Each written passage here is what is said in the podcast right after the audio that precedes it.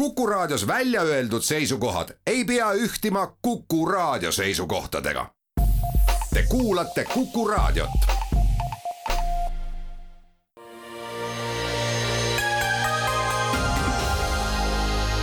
poliitikakuru, kui sina ei tegele poliitikaga, tegeleb poliitika sinuga. poliitikakuru tervist, hea kuulaja, ära nüüd tooli pealt äh, maha kuku. Ootamatult ei ole saabunud reedene päev ehk eetris on Poliitikakuru. Meil on ikka kolmapäev, esimene märts, aga täna tuleme eetrisse Poliitikakuru valimiste erisaatega, sest äh, sel reedel oleme väga suuremeelselt loovutanud oma eetriaja Kuku raadio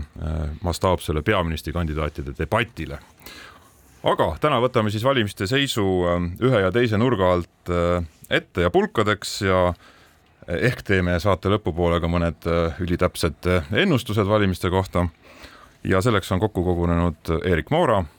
tervist. Keit Kasemets. tere päevast. ja Tõnis Leht, aga alustame siis kampaania üldisema vaatega, et väga suur hulk inimesi on juba usinasti hääletanud kampaaniat kui sellist on jäänud veel äh, paar-kolm päeva minna. Eerik, kuidas sina iseloomustaksid lõppevat kampaaniat? Ma iseloomustaksin seda lõppevat kampaaniat mõnes mõttes äh, nii nagu üldse päris mitut äh, viimast kampaaniat, mis, ähm, ähm, mis, mille nagu selliseks märksõnaks on see, et et, äh, et päriselt ei õnnestu luua selliseid ühiseid teemasid. Ma ei, ma ei räägi isegi nüüd sellest müstilisest nagu üle müstifitseeritud valimiste peaküsimusest või peateemast ühest, aga tegelikult on neid teemasid päris palju, mida, mille üle mida siis erakonnad proovivad tõsta või proovivad neist nagu rääkida või ette visata, aga, aga ühestki ei saa sellist nagu üldist jutuainet, et erakonnad püüavad mõnes mõttes kramplikult vältida äh, teise erakonna lubadustega siis enda nii-öelda nii sidumist või nendele pühendumist või nendega tegelema hakkamist. ja sellepärast tegelikult ei olegi sellist nagu ühtset või selget debatti, vaid on ainult niisugune pidev nagu üksteisega võistlev uudistevoog, millest on väga raske aru saada, mis siis toimub, millest räägitakse, kus ollakse ja, ja mis, mis siis, mis on tähtis ja mis ei ole. No kui võtta erakondade kaupa kuidagi proovida hästi-hästi lühidalt iseloomustada neid erinevaid kampaaniaid, et siis ma arvan, et Reformierakond on teinud seda, mida mida nad on teinud mitmetel eelnevatel valimistel siis, kui neil on olnud hästi populaarne peaminister. Ja on tegelikult siis igati püüavad, nende kampaania on üles ehitatud sellele, püüavad siis peaministri populaarsust edasi kanda kogu oma erakonnale, ma arvan, see on neil, no eks me näeme valimistulemuse põhjalt, aga osaliselt kindlasti on äh, õigustanud, et ma ise olen näinud päris mitmeid äh, inimesi, kes on öelnud, et noh, seekord igal juhul ikkagi tuleb valida nii, et äh, Kaja Kallas peaministrina jätkaks. Keskerakonna kampaania et ikkagi juured jälle, nagu neil alati tegelikult on, on sõnumites venekeelsele valijale, et ma arvan, see venekeelse valijate äh, mõeldud loosung, see mõõsavass äh,. ära unusta ka pensionäre, Eesti näeme pensionäre. Lasnamäel ja, ja ka mujal, et sealt on tuletatud see, see Eesti, Eesti slogan ja, ja, ja eks jah, ongi ennekõike siis, ennekõike siis nendele oma valijagruppidele, noh, EKRE on ka selgelt oma selle Martin Helme tuuriga ka proovinud mobiliseerida siis äh, noh, ütleme siis oma seda põhi, põhivalijat, eks ju. ja no ja, ega ütleme tõesti, kampaaniad on ikka sarnased, kui nad alati varem olnud, et Isamaa paneb oma seda paart peamist äh, niisugust äh, teemat ja lubadust ja ütleb, et on ainult üks Isamaa. sotsidel on noh, niisugune noh, nagu see sotside, ei oskagi öelda, sihuke sotside kampaania, et äh, niisugune väike sisuline, sisuline sõnum siiski ja noh, Eesti kakssada rõhub oma sellele uuele niisuguse uue tulija, uue tulija kuvandile ja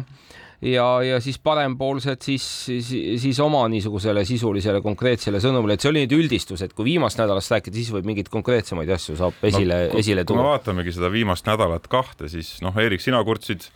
või, või, või peegeldasid seda, et kurdetakse selle üle, et äh, mingit keskset teemat äh, ei ole väga kujunenud, siis vähemalt meediapildis on siiski viimast nädalat domineerinud kogu see EKRE, algselt siis EKRE kriitika, eks ole, kaitseväe juhtide suunas ja siis sinna otsa veel kogu see nii-öelda võima-, Wagneri seostega siis juba kahe tuhande üheksateistkümnenda aasta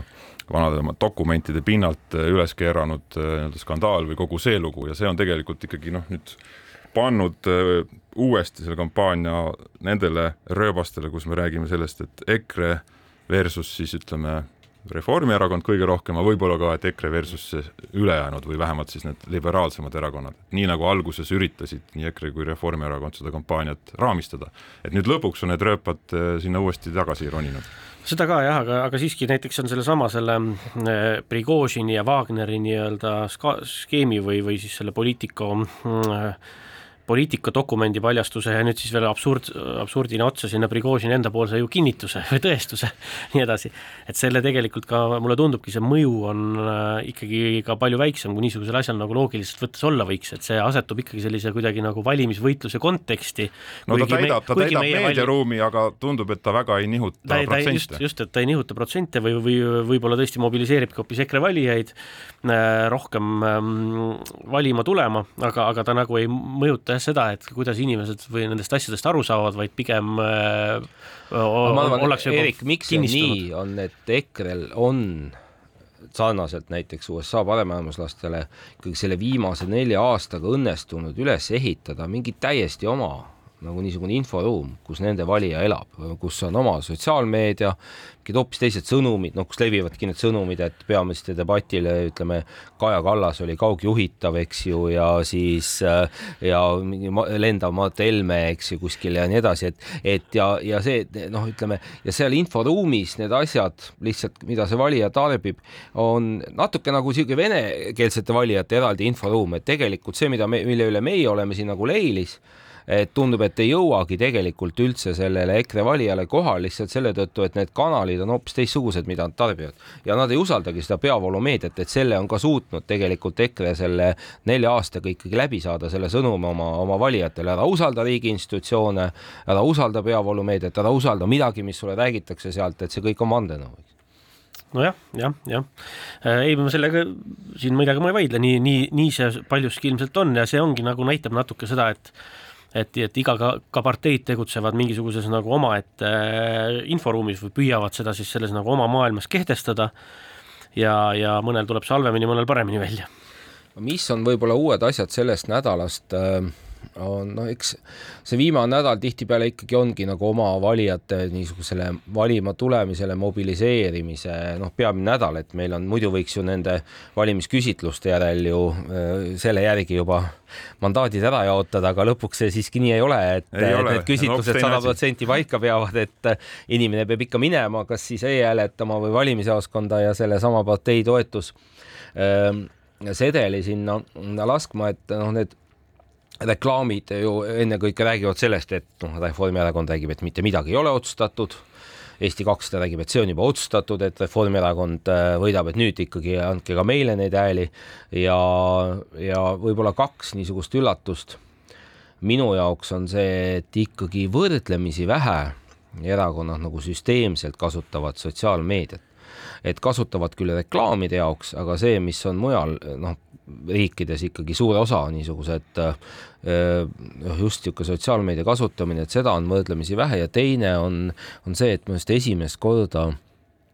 on hästi paljud inimesed kuidagi ise öelnud välja, keda nad hääletavad, et üldse Eestis on see muidu olnud pigem niisugune teema, et noh, ma ei ütle mitte kellelegi, et uh mhm. -huh. hääletamine on salajane, aga nüüd väga paljud on seda teinud. no ega see näitab ja... seda, et nende arvates on midagi olulist kaalul, mistõttu seda nii-öelda muidu saladuseks peetavat ja. asja peab nagu teistele deklareerima, kui sa ütlesid sotsiaalmeedia kohta, et äh, sulle tundub, et noh, Eestis veel erakonnad kasutavad seda suhteliselt vähe, siis no vähemalt see, mis puudutab äh, ütleme makstud reklaami eriti Facebookis. ma siis... mõtlegi seda, makstud mm -hmm. reklaami on tohutult igal pool sotsiaalmeedias. seda tasubki. pigem ma mõtlen sotsiaalmeedias mingite teemade ülestoomist, eks ju, mingites gruppides, no kõike seda, mida EKRE tegelikult praktiliselt ainsana Eestis ikkagi äh, teeb, nii nagu seda mujal äh, valimiskampaaniates väga palju tehakse. teistel kindlasti on oma selliseid truid äh, jälgimis, jälgijate gruppe on vähem kui EKRE-l, aga, aga kui rääkida ikkagi sellest makstud sotsiaalmeedia reklaamist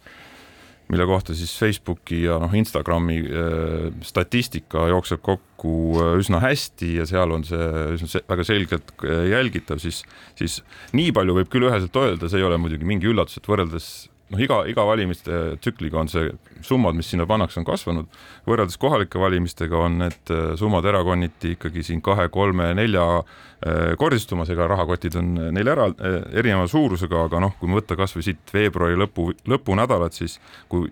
kui suurematel erakondadel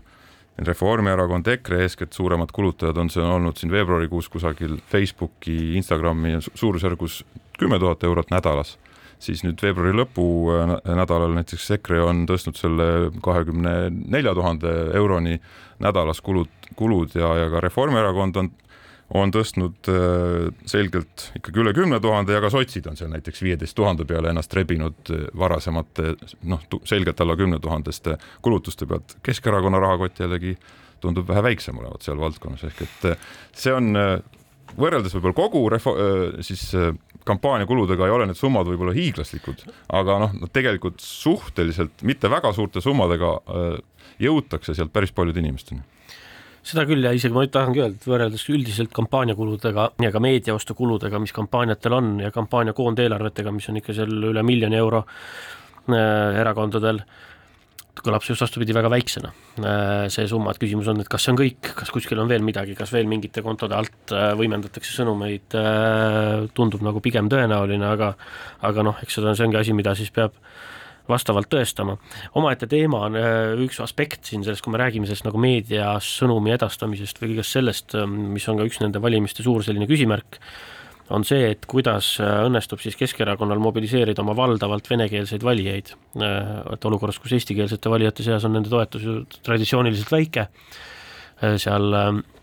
kümme protsendi kandis, natuke võib-olla peale valimiste ajal, siis, siis äh, varem on neil olnud venekeelsete valijate käivitamiseks, teadlik, teadvuslikkuse tõstmiseks ja valimisjaoskonda toomiseks ikkagi äh, see siinne venekeelne meedia, mida on väga laialdaselt ja pidevalt ju ka kasutatud, seal olid neil erisaated, seal olid äh, reklaamid, mis osteti siis Eestist sinna sisse. Massiliselt, siis seda nüüd ei ole et sellel sa mõtled kõiki neid PBK-sid? Äh, no igasugu jah, just, just neid, neid nii-öelda kanaleid, mida päriselt siinsed venekeelsed inimesed ka vaatasid äh, mida nad paljuski vaatavad edasi muidugi erinevate muude igasuguste nõksude ja trikkidega ja, ja vaatamistega, aga lihtsalt seal puudub nüüd see Eesti sisu äh, eraldi.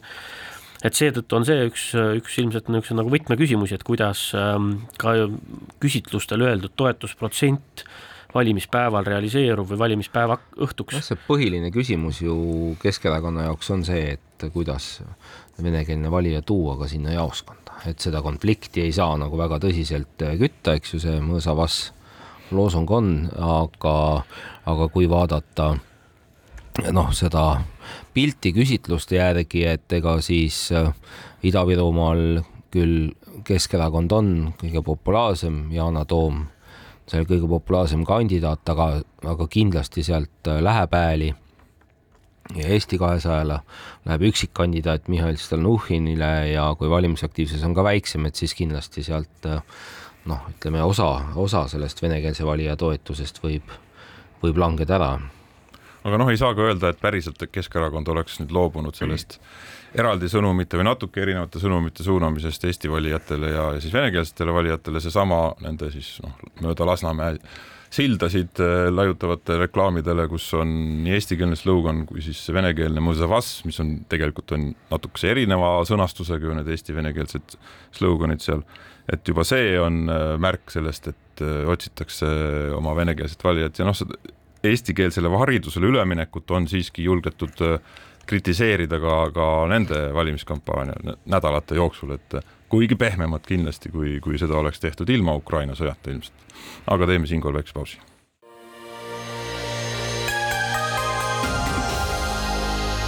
poliitikakuru, kui sina ei tegele poliitikaga, tegeleb poliitika sinuga. poliitikakuru jätkame Poliitikakuru valimiste erisaatega stuudios Erik Moora, Keit Kasemets ja Tõnis Leht Eerik, sina kibelesid rääkima sellest, et eh, mis meil siis nagu see kampaanias on olnud sinu hinnangul üllatavat? ei, ma kampaanias üllatavat, see on võib-olla isegi natuke teine küsimus. Eh, pigem ma tahtsin seda öelda, et, eh, et üks selle kampaania nagu viimaste nädalate selliseid tunnuseid paljude inimeste jaoks, mis ma märkan ka, kes siis valimisteemadel siin on reflekteerinud või oma valikuid sotsiaalmeedias kajastanud, nagu nagu Keit ütles, on see, et et hästi paljudel on olnud pikka aega see tunne, et, et nende valimistulemused on äh, kuidagi tehtud või et äh, nad on paigas või, või sealt suurt midagi enam ei kõigu nii edasi. ja, ja see loomulikult vähendab ikkagi väga paljude inimeste valimistel osa, osalemise sellist äh, pakilisust, tunnet, et see on pakti, pakiline küsimus ja sellest see on vaja, vaja hästi kiiresti teha ja see on siis kaasa toonud ka, tundub mulle sellist nagu põlve otsas äh, strateegilist hääletamist nii-öelda, et mõelda, et ka, et noh, et suur pilt on ju selge, on ju, et me siin sees saame natukene nihverdada nende häältega, kuidagi tekitada seda või teist või kolmandat asja, sest näiteks mina isiklikult olen märganud või kuidagi minu meediavoogu küllap äh, on rohkem, rohkem tulnud seda, et on ähm, võrreldes selle avalike toetusprotsentidega üllatavalt palju on neid, kes äh, ütlevad, et äh, tegin siin oma valiku ja valisin siis parempoolseid.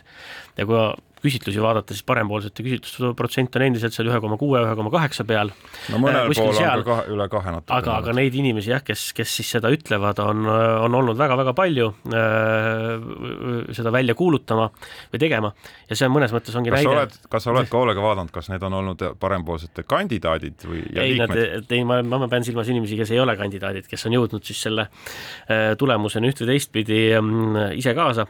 ja ja noh, eks selle taga on paljuski sageli on, on ka inimeste soov äh, valida konkreetset inimest, mitte seda mm, äh, nagu maailmavaadet, leeri või parteid, aga siin võib-olla nagu äh, kindluse mõttes või, või, või, või äh, selgituseks siiski tuleb öelda, et Eestis tegelikult ikkagi valimissüsteem on parteipõhine, valimised käivad parteipõhiselt, koalitsioonid sünnivad parteipõhiselt ja äh, mitte, mitte siis selle põhjal, et kas keegi on täpselt nüüd otsustanud valida kõige nagu lemmikumat inimest, just see väljendub selles siis, et, et inimesed võrdlevad täiesti erinevate parteide ja erinevate potentsiaalsete leeride ja väga erinevate tulevikupoliitikate Äh, vahel asuvaid kandidaate, et väga mitmest erinevast parteist. tahaks selles mõttes kiita parempoolseid kindlasti, et väga väheste ressurssidega nad on ikkagi saanud mingisuguse niisuguse väikse hoo üles just tänu sellele niisuguste sotsiaalmeedia endorsement itele või toetustele siis ja ja ma arvan, et see veidikene on seotud sellega, et et kuna neil oligi vähe ressurssi, nad pidid otsima teisi võimalusi, et see esimene ja, ja see ongi tuntud inimeste toetus, ma ütleks, et see esimene ring, mida nad ju proovisid, olid need rahalised toetused, tõsta üles siis neid inimesi, kes on neid rahaliselt toetanud, et nad soovitavad parempoolseid valida. teiseks, ma ise küll sinna ei kuulu, aga nad on ju moodustanud ka niisuguse parempoolsete siseringi, et kus siis ka kindlasti veel rohkem innu-, kes ei ole ka erakonna liikmed paljud, aga et keda siis, kus ka innustatakse kindlasti inimesi ja ja see on aidanud ja, ja noh, ma need seal on, aga teiselt poolt on siin võib-olla kolm niisugust asja, mida välja tuua, et esiteks, et eks see tõesti, ma olen Eerikuga nõus, me ei tea täpselt, mis piirkondades need inimesed valivad, aga noh, et see on seotud ikkagi mingisuguste konkreetsete parempoolsete kandidaatidega, kes on, kes ongi populaarsed ja noh, Lavly Perling kindlasti ise, siis Ilmar Raag, Põhja-Tallinnas siis tundub ka Põim Kama Lõuna-Eestis, äh, noh, võib-olla veel mõned tuntumad kandidaadid Tallinna piirkonnas, et äh, mis teeb selle viie protsendi künnise ületamise jätkuvalt raskeks, on see, et ikkagi vaja on tegelikult seda toetust laiemalt ka kõikides, kõikides teistes ringkondades ja noh, ma arvan, see on, see on ikkagi parempoolsetele suur teema ja noh, teine küsimus, mida me siin kindlasti ka asume arutama veel, võime siis ka kohe arutada, et kas see parempoolsete noh, ütleme siis näiteks kolmeprotsendiline tulemus või, või või selle ütleme nelja protsendini küündi tulemus, et on see nüüd hea või halb nagu laias pildis, et eks lõppkokkuvõttes need hääled lähevad ikkagi, ikkagi lappama valdavalt noh, kuskilt siis teiste enam-vähem selle tiiva erakondade, erakondade pealt ja et, äh, et äh, nojah, eks selle kogu parempoolsed pigem see muudab teevad... nagu seda koalitsiooni dünaamikat keerulisemaks, kui nad nüüd sisse ei saa. kui nad sisse mm -hmm. saavad, oleks super ja, ja muudaks veel hoopis seda pilti teistsuguseks ja see oleks väga kihvt, aga aga mm -hmm. seda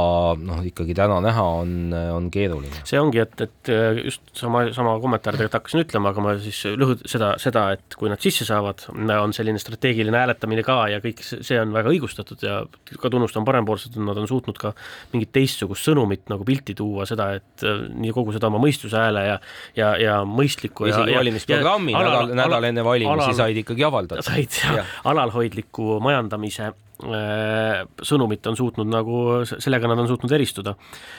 Aga Eestis jah, tuleb ähm, aru saada ühest niisugusest äh, asjast, mis on nagu võitva partei äh, preemia valimistel. Ja see on tegelikult asi, mis määrab väga palju selles, millised koalitsioonid on, on tegelikult see on siis kompensatsioonimandaadid, eks ju, niisugust asja seaduses ei ole nagu võitva partei preemia, mis mingites riikides isegi on, et meil see tegelikult ei, see preemia ei, tuleb siis läbi kompensatsioonimandaatide jagamise süsteemi. jah, et ühesõnaga see ei ole mitte mingisugune niisugune kindel ette kirjutatud preemia või asi, mis antakse kuidagi või ei kanta üle ka neid äh, välja jäänud parteide hääli, aga loogika on selline, et kui hääli äh, Äh, kui, kui äh, võitva partei edu on äh, teise, teiste kohtade ees on pigem nagu suurem, siis nad saavad kohtade suhtes sellist nagu suuremat preemiat. ja jälle mitte nad ei saa seda nagu, preemiat annab valimissüsteem ise no,. üldiselt on siiski see, et, et see nii-öelda joone alla jäävad hääled nende arvelt, see, see nii-öelda võit on su-, on siiski suhteliselt proportsionaalne sellega, mis on sisse saavate erakondade ja. tulemus ja no selge, kui sa, keegi on nagu tugevalt ees, eks ole, siis tema proportsionaalne positsioon on niikuinii parem, et, et äh, see ei saa öelda, et need nii-öelda välja jääva erakonna hääled läheks kuidagi väga konkreetselt ühte kanalisse. ja ei lähe, ei, ei, need sinna ei lähe, aga, aga noh, mis ma tahan öelda, on see, et et kui näiteks võitev partei saab äh, kakskümmend seitse ja pool äh, protsenti hääli, siis ta saab äh, kakskümmend üheksa või kolmkümmend kohta. kui ta saab kakskümmend kaheksa pool protsenti või kakskümmend üheksa protsenti hääli, siis ta saab kolmkümmend neli, kolmkümmend viis protsenti. Või kohta, kolmkümmend neli, kolmkümmend viis kohta Riigikogus. Ja nüüd see ongi see asi, millest, ähm, mille puhul on, mis on koalitsioonide moodustumise seisukohalt äh, ülioluline, et kuidas, kuidas ja kellelt need strateegiliselt hääletatud väiksemad parteid, kes juhtumisi, kui nad sisse ei saa, hääli ära võtavad et kui nad võtavad valdavalt ära, ära siis ühe leeri parteidelt, mis antud juhul noh, võib arvata, et et need, kes meil seal kandideerivad oma retoorikat ja kõike muud arvestades, võtavad pigem ära, on ju, Reformierakonnalt kõige rohkem ja Eesti kahesajalt ka, ka., Eesti kahesajalt ka, on ju, siis ja sotsid, sotsidelt võib-olla rohelised noh, et siis sellisel juhul tähendab see seda, et koalitsioonide dünaamika muutub kohe.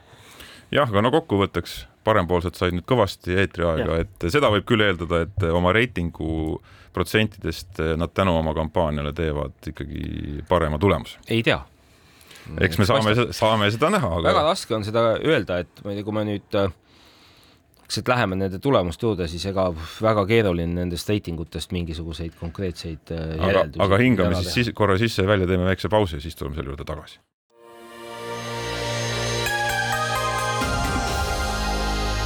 poliitikakuru, kui sina ei tegele poliitikaga, tegeleb poliitika sinuga. poliitikakuru. jätkame ootamatu poliitikakuru valimiste erisaatega ja võtame ette koalitsiooni teemad, Erik Moora, Keit Kasemets ja Tõnis Leht. mis te siis arvate, milline koalitsiooni eh, variant nüüd kõige tõenäolisem on, neid, olgem ausad, reitinguid on erinevaid Nad näitavad ka siin viimastel nädalatel eh, pisut erinevaid tulemusi ja eh, nende pinnalt on välja toodud eh, üsna erinevaid koalitsiooni variantide nii-öelda prognoose, millisel on rohkem võimalusi, mis tähendab, et tegelikult on pilt ikkagi päris kirju. see on ka üks erinevus mõttes, mis on eelnevate aastatega, eelnevate valimistega, et seekord ikkagi nende reitingute avaldamine on ka palju massiivsem kui, kui varem, et see on väga regulaarne suuremad meediamajad neid äh, tellivad ja tehakse sellest ka ütleme siis äh, iga nädal niisuguseid konkreetseid äh, järeldusi. no ikkagi kaks kõige usaldusväärsemat, ütleks niisugust reitinguagentuuri, nende küsitlused annavad ikkagi võrdlemisi erinevad tulemused täna, nii et mina, väga raske on nagu ennustada ja, ja kuidagi kirjutada sellele alla, et nüüd täpselt nii, nagu need, need reitingud täna, täna näitavad, ka see, ka see tulemus, ka see tulemus tuleb, et ma arvan, neid muutujaid on siin ikkagi valimisaktiivsuse mõttes väga palju, aga pigem muidugi, pigem on ju nii, et, et on osad erakondade valijad nagu Keskerakonna osad valijad, äh, võib-olla EKRE valijad, kes ei jõua küsitlusse ikkagi niisuguses, niisuguses mahus nende erakondade toetajatena nagu, nagu päriselt see toetus, toetus on, et noh, võib, võib võtta ka no, niimoodi, et pigem, pigem need erakonnad on alaesindatud. küsitluste tegijad võivad ka vastu vaielda, et eks pingutatakse nende valimite koostamisele ja et, et saaks võimalikult hea katvuse ja siis ka vastavalt puudujäävaid võib-olla gruppe ka siis kaalutakse üles-alla, kompenseeritakse, aga noh, selge, et aga see on. seis on, ma arvan, et see suur järeldus, mis me võime teha, on see, et ikkagi olukord on kriitiline et äh, midagi otsustatud ühte või teistpidi äh, kindlasti ei ole ja kõik praktiliselt siin erinevad koalitsiooni variandid on ikkagi niisugused noatera peal, et, et, et ühtegi niisugust, et kus, mis näitaks selgelt üle viiekümne praktiliselt ei olegi. no võime, selle järeldusega ma olen kindlasti nõus jah, et me põhiliselt kõige rohkem on räägitud ju nendest kõige äh,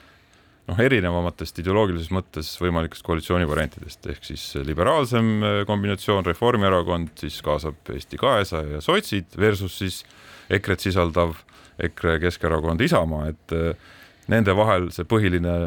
noh, ideoloogiline valik meil ju on olnud või justkui on olnud, aga ei saa küll hetkel öelda, et üks või teine neist omaks väga selget äh, tugevat enamust nende reitingute järgi, mille, millele saaks nagu üheselt alla kirjutada, nii et see tähendab, et igal juhul on ka siin vahevariandid ja ka see variant, et äh, Keskerakonnaga koostöös Reformierakond näiteks, pluss veel võib-olla keegi, oleneb siis Keskerakonna tulemusest palju, et, et see on vähemalt samaväärsena tegelikult laual. jah, et siin äh, saab määravaks mingis mõttes ka see, et äh, millised on siis konk iga konkreetse erakonna nagu täpsed tulemused, sealhulgas ka siis erakonna juhi enda mingisugune häälesaak või tulemus mm, ka, et kuidas, kuidas äh, Äh, mis positsioonil nad on ja kuivõrd, äh, kuidas nad ise siis ka neid valimistulemusi siis tõlgendavad. aga igal juhul võib öelda jah, et äh, küsitlused on vastandlikud, küsitlused on kogu aeg ju tegelikest sündmustest nädala jagu vähemalt maas, selles mõttes, et küsitlusi tehakse mingi teise info pealt ja teises inforuumis või olukorras kuni sellel hetkel, kui need avaldatakse, siis on äh, andmed vähemalt äh, noh, mõne päeva vanused igal juhul on ju. aga milles me nagu saame kin-, on, kas on, on äh, ütleme et..., erakondade järjekord näiteks ja nende suures plaanis protsendid on, ole, on midagi, milles me saame kindlad olla? no ma arvan, et ei saa, see tegelikult ei no ma arvan, esimeses kahes me siiski vist saame olla kindlad, et Reformierakond ikkagi võidab ja EKRE saab teise koha, aga ma ütleks isegi nii, et sealt kõik edasi on siiski, mida me päris täpselt ei äh, tea jah, vot ongi see EKRE teine koht on, on äh, ka nii, et kui sa vaatad erinevaid äh, teisi küsitlusi, nojah, tegelikult see dünaamika vist on igal pool ikkagi, et äh, olnud, et, et Keskerakond ikkagi jääb EKRE-st äh, kaugemale, aga jällegi teisest küljest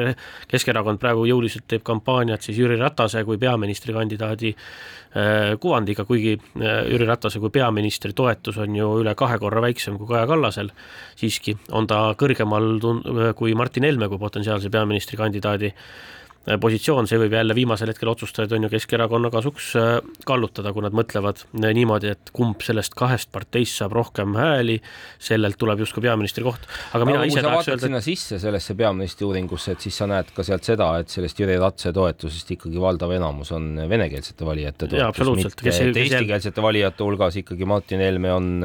populaarsem peaministrikandidaat kui Jüri Ratas. jah, ja, ja noh, et ja meil nagu mingi kõhutunne ju on, on ju ilmselt, et venekeelsed valijad äh, tulevad passiivsemalt välja kui, kui mitte. aga siiski ei saa ka unustada seda, et juhul, kui Jüri Ratase ja Keskerakonna omavaheline selline suhe, tähendab, vabandust, Keskerakonna EKRE ja Jüri Ratase ja Martin Helme omavaheline suhe jääb mõnes mõttes niisugune nagu noh, mitte päris otsustavat vahet seal ei teki või kuidagi ei ole nagu selget ülekaalu, vaid nad on pigem nagu võrdsed, siis võib tekkida selle eelmise EKRE ikke äh, koalitsiooni taastamisel võib tekkida ikkagi see võimalus, millest mina siin rääkisin juba aasta alguses, et, et võib-olla hoopis Isamaa nopib sealt kõige selle suurema õlekõrre, kuna jällegi ilma nendeta siis seda koalitsiooni teha ei saa. ja, ja nad ütlevad, et meie Martin Helme valitsusse ei lähe ja et, et paneme hoopis meie esindaja peaministriks. kas sellega äh, ja Keskerakond astub, astub sellesse võtmesse ka Reinsalu siis hiljutisene väljaütlemine, et EKRE-ga koostööd Isamaa nüüd nende Prigožini ja Kaitseväe juhtide äh, kritiseerimise valguses, et, et see on Isamaale tunduvalt keerulisem kui varem, tõsi, ka siin enne meie saadet Postimehe siis äh, otsedebatis äh, peaministrikandidaatidel siis nii Seeder kui Ratas EKRE-ga koostööd kuidagimoodi sõnaselgelt välistada ei, ei ole ma püüdnud? julgeks ikkagi öelda seda, et see on ka, mul ei ole mingeid andmeid selle kohta, et pigem on see niisugune äh, tunnetus, et äh, Martin Helme juhitavasse valitsusse Isamaal on ikkagi minna raskem kui, kui varem aga näiteks Urmas Reinsalu poolt juhitavasse valitsusse, et kuhu, kuhu kuuluvad ka EKRE, Jüri Ratase EKRE ja. Keskerakond äh, või siis Jüri Ratase poolt äh, juhitavasse valitsusse, ma arvan, on lihtsam neil äh, minna. jah, ja, ja see, ja see Urmas Reinsalu seda tsitaati või ütlust, mis sa ütlesid, saab ka vaadata selles võtmes just, et et valmistada ette oma positsioone läbirääkimisteks. Et, et Isamaal, Isamaal sellises olukorras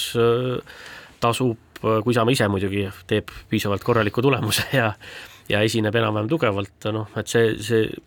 seda, et ta künnise alla jääks, nagu siin mõned kuud tagasi veel hirmud olid, seda nüüd küll kuskilt ühestki küsitlusest ei, ei terenda. kui me nüüd seda tulevikku vaatame, et siis noh, ma päris niisugust tsirkust ikkagi ei usu nagu oli eelmisel, äh, eelmisel korral, kaks tuhat üheksateist, et esimesed paar nädalat siis inimesed käivad nagu niisuguse äh, näoga ringi, et ei, meie siin küll mingit valitsust ei tee ja siis ikkagi selgub, et juba, juba valitsus on koos, et miks ma seda mainin, on see, et, et noh, kui Reformierakond võidab, et siis eelduslikult ikkagi esimesena ettepanek valitsuse moodustamiseks tehakse Kaja Kallasele. Ja siis äh, noh, küsimus on väga paljuski tõesti selles, et mis see valimistulemus siis on, kas see valimistulemus on niisugune, kus Reformierakond saab valida tõesti erinevate partnerite vahel. Ja see tähendaks siis ikkagi noh, Reformierakonna võrdlemisi suurt võitu ja just väiksemate erakondade niisugust kehvemat, kehvemat tulemust. Või ikkagi see, see tulemus on niisugune, et Reformierakonnal on ka mõned üksikud variandid, näiteks ongi ainult variant äh, Keskerakonnaga koos äh, äh, teha või siis tõesti proovida niisugust nelja erakonna, nelja erakonna koalitsiooni ja noh, see muidugi vähe, no ütleme, muudab kogu seda koalitsiooni läbirääkimiste dünaamikat kindlasti päris oluliselt, et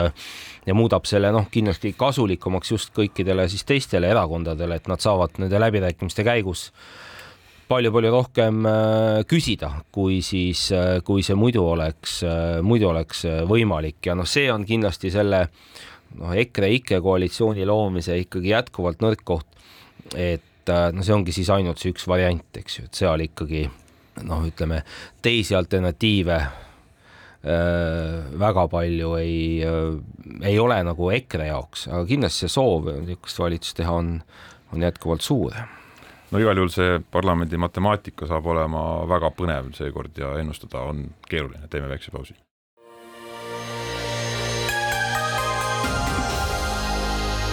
poliitikakuru, kui sina ei tegele poliitikaga, tegeleb poliitika sinuga. poliitikakuru. Jätkame saatega. Stuudios Erik Moora, Keit Kasemets ja Tõnis Lehtre, vaatame natukene ka valimisaktiivsusele otsa ja, ja, ja võib-olla ka pisut äh, prognoosime, kas selle praeguse tempo pealt äh, on midagi tarka ka äh, pühapäeva õhtuks võimalik ennustada, et igal juhul hetkel on e-hääletamine, noh, sellega koos siis kogu eelhääletamine kulgenud vähemalt Riigikogu valimiste kontekstis väga selgelt sellises rekordtempos e-hääli antud üle saja kolmekümne tuhande praeguseks koos e eelhääletajatega osalusprotsent kisub kaheksateistkümne juurde. meil on veel ka e-hääletamise lõpuni üle kolme päeva aega, kuni siis saabub lõpuks ka päris valimispäev või põhivalimispäev, pühapäev. kuidas teile tundub, kas me nende praeguste kiirete e-valimistempode pealt saame midagi öelda lõppvalimisaktiivsuse kohta? Tegelikult ei saa, on, on meie, minu vastus, sest ma mäletan veel hästi neid samu mitmeid varasemaid vala, valimisi, kaks tuhat üheksateist Riigikogu valimisi, vahepeal on kaks tuhat kakskümmend üks kohalike omavalitsuste valimisi ja nii edasi, ja nad on mõlemad hakanud alati samamoodi, et kus väga entusiastlikult pannakse jagatakse kogu aeg seda numbrit, kui palju on nüüd e-valinud praeguseks kellaajaks ja kuidas me selle kellaajaga juba oleme möödas varasemast ja nii edasi. ja see ei ole kumbalgi juhul tähendanud mingit eriliselt suurt valimisaktiivsust tervikuna kogu riigi lõikes. see lihtsalt tegelikult on kindel märk sellest, et e-valijate osakaal muudkui kasvab, üha rohkem inimesi on ka siin koroona ajal ja muidu teinud oma dokumendid korda ja suudavad äh, e-valida ja see on nii palju mugavam ja parem moodus, et, äh, et see on võib-olla üks ennustus, mida võib teha, et, et e-hääletajaid on üle Eesti lõikes rohkem kui on, ähm, äh, kui on protsentuaalselt kui kunagi varem ja ma arvan, et ka üle poole, rohkem kui, kui paberhäälega valijaid. no tõenäoliselt viimati siis kohalikel valimistel oli üle neljakümne kuue protsendi kõigist ja. hääletanutest oli et, siis e-hääletajad. et ega see ei tõuse nagu tohutute hüpetega ja see kaks tuhat kakskümmend üks kohalikud valimised ei olnud sugugi ammu, aga siiski võib arvata, et ta natuke seal veel ronib pluss ka äh, kohalikel omavalitsuste valimistel saavad mittekodanikud hääletada, kes ei e-hääleta, ei digihääleta. Nii et ühesõnaga, et võib-olla see üle viiekümne tõuseb, see oleks üks nagu järeldusi, mida võib sellest teha, aga see, kui kõrgele kogu protsent tõuseb, seda minu meelest on küll praegu veel vara siin hõisata. Ma olen täiesti nõus sellega ja eks natukene see e-hääletamise süsteem on nüüd ju jälle muutunud, et äh, seda e e-hääletamist on toodud siis valimistele lähemale äh, ta on samal ajal kui see eelhääletamine, vist üks päev on vähem ja, ja no hästi tihti on ju niimoodi, et alati, kui mingi niisugune muudatus tehakse, siis see on, mõeldakse, et, et ühe või teise poole valijaid see peaks äh, kuidagi heidutama või vähendama või noh, USA-s on see valijate nii-öelda ahistamine just suur vabariiklaste teema, et prooviks kuidagi jälle seda valimiskorraldust niimoodi mõjutada, et neid hääli oleks vähem, aga elu tavaliselt näitab, et sellel ei ole väga suurt mõju, et inimesed on nagu kohanemisvõimelised ja raske on öelda jah, et see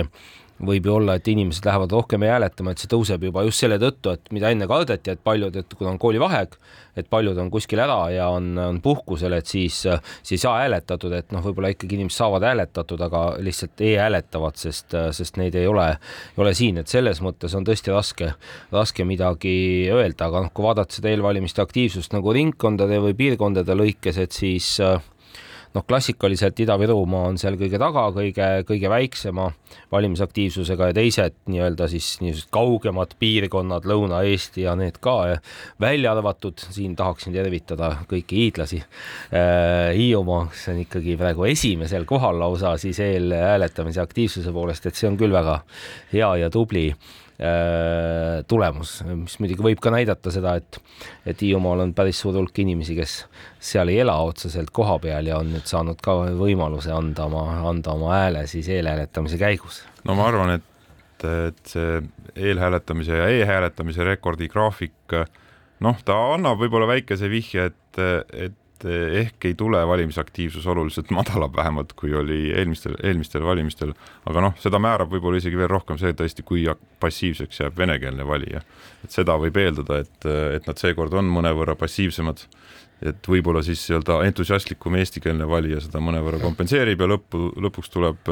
sarnane tulemus eh, eelmise korraga, aga üldiselt, mis puudutab partei nii-öelda tulemusi või partei eelistusi, siis see elektroonilise Äh, valimiste osakaalu kasv, see on pigem, see on nagu üldiselt parteineutraalne ikkagi. et äh, see on lihtsalt valimismoodus, inimesed lihtsalt hääletavad teist moodust pidi, et see nagu otseselt ei ole kaasa toonud ühe või teise partei nagu paremat või halvemat äh, tulemust, aga vaatame natukene ka neid nii-öelda suuremaid lahinguid või põnevamaid eh, kohti, mis meil eh, valimisringkondades eh, vastu terendavad, noh, Harju-Raplamaa on kõige suurema arvu mandaatidega ringkond, seal on kõige enam partei juhte ka ennast üles seadnud. seal on keskne vastasseis, muidugi kõige rohkem jälgitav vastasseis saab olema siis Kaja Kallas versus, versus ülejäänud. Või kui palju Kaja Kallas saab hääli, kui palju ta saab rohkem hääli kui Jüri Ratas näiteks? Mina töötasin kunagi Riigikantseleis, kui ma mäletan, kui Andrus Ansip tegi suure häälte rekordi, ma arvan, see oli Karju ja Raplamaal, mis sai kakskümmend üks tuhat või kakskümmend kaks tuhat häält, see oli ja see oli kaks tuhat seitse. järgmise, siis pühapäeval olid valimised, seda esmaspäeva hommikust koosolekut, kus siis niisuguses, niisuguses äh, suurepärases meeleolus Andrus Ansip oli see valijatelt saadud mandaadi tõttu ja ma julgen ennustada, et Kaja Kallas pika puuga selle, selle Andrus Ansipi Äh, rekordi ületab. ja absoluutne ja... rekord on Edgar Savisaare käes endiselt äh, kaks, äh, kaks tuhat viisteist, siis ta selle tegi, kakskümmend viis tuhat häält. ma arvan, ka selle ületab Kaja Kallas ja teised jäävad ikka päris kaugele maha, et, et ma arvan, et, et järgmine häälte võtja selles piirkonnas saab noh, ütleme vähemalt kaks korda vähem hääli, aga ma arvan, tegelikult see vahe saab olema veel palju suurem ma ei oska öelda, julged ennustused, julged ennustused äh, Keidul. ma isikliku häältesaakide osas ma arvan samamoodi jah, jah, aga, aga aga vähemalt äh, jällegi sõltub, millist küsitlust vaadata, no selle ringkonna lõikes äh, ka samamoodi, siis äh, seda vist, seda vahet vist ei ole, et kõik siin ikkagi selgelt ennustavad Reformierakonna võitu, lihtsalt mõned küsitlused ennustavad seda nagu väga suurt võitu ja mõne küsimus, küsitluse järgi on siis seal ka vahed koomale läinud ja väiksemaks ja ennekõike siis EKRE on pigem nagu lähemale läinud sest EKRE, EKRE on seal ka selles ringkonnas äh, teisel kohal nagu kogu Eestis tervikuna. Henn Põlluaas. Henn Põlluaas. pigem on väga... küsimus selles, et kas Henn Põlluaas saab rohkem hääli või Jüri Ratas. vot see on ja. küsimus just, mida, mis on minu meelest siin huvitav dilemma, kuhu ma tahtsingi jutuga välja jõuda et kas, ähm, kas Jüri Ratas ikkagi selles ringkonnas ka, kus tegelikult väga palju venekeelseid valijaid ei ole ja kus ta traditsiooniliselt või eelmistel valimistel äh, tegi ikkagi selgelt peaministrina endale nagu pettumust valmistava tulemuse, siis kas ta seekord suudab Henn Põlluaasa edestada äh, ja ma ei tea, ausalt öeldes kahtlustan, et ei pruugi, ei pruugi õnnestuda. ja vaatan, et eelmistel Riigikogu valimistel sai Ratas üheksa tuhat seitsesada häält, Henn Põlluaas ligi seitse tuhat nelisada et juba no, siis oli see üsnagi võrdne, noh, Raplamaa on siis see, kus EKRE lammutab äh, tugevamalt kui võib-olla Harjumaal, muidugi Harjumaa on palju suurema valijaskonnaga, aga kui vaadata edasi Las-, Lasnamägi, eks ole, äh, Pirita kesklinn on meil ringkond, see viib muidugi, muidugi tagasi Keskerakonna juurde, et äh, kui tugev Kõlvarti tulemus võib tulla, see sõltub ikkagi no, nüüd väga palju. samamoodi ja. niisuguse julge ennustuse, et ma arvan, et Kõlvart teeb ka väga hea tulemuse jah, Keskerakond on äh, kindlasti suutnud äh, ikkagi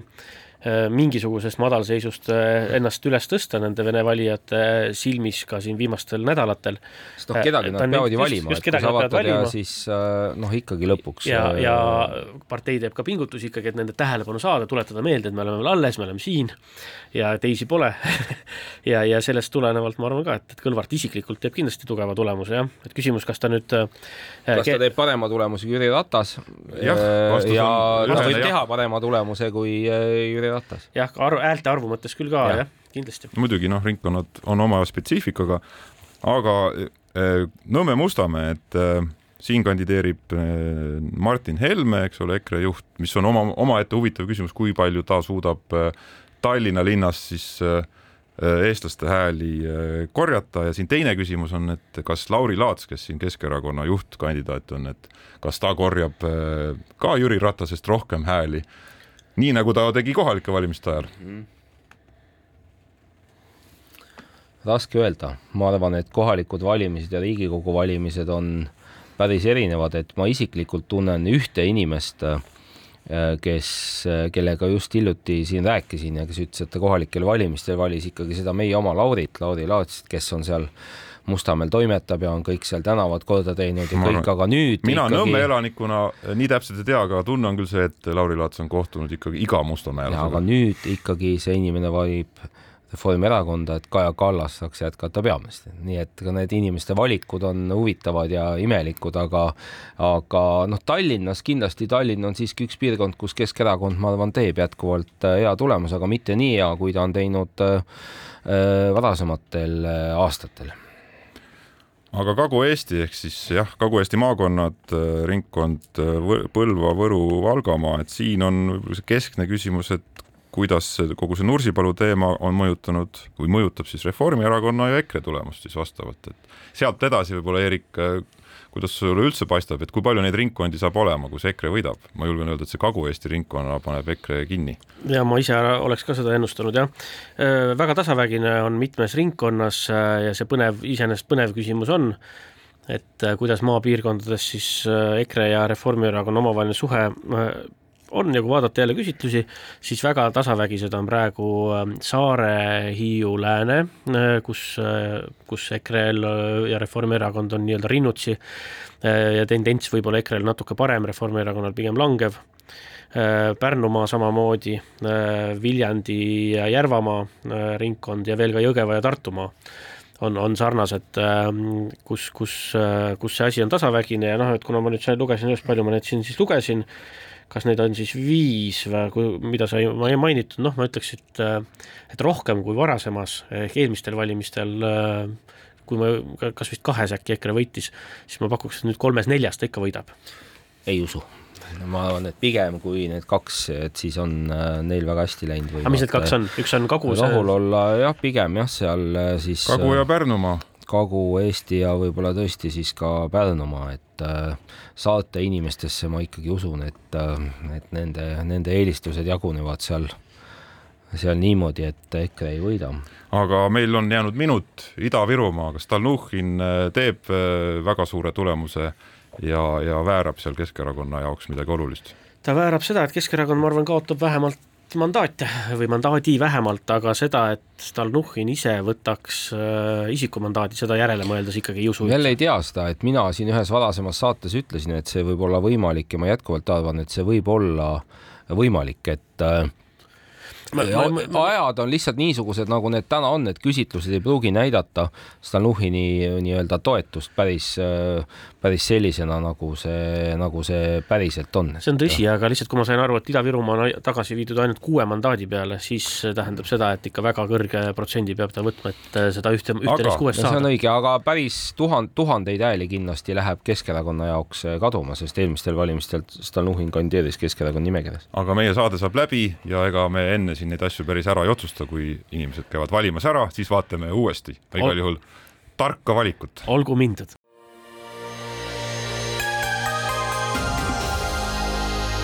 poliitikakuru, kui sina ei tegele poliitikaga, tegeleb poliitika sinuga. poliitikakuru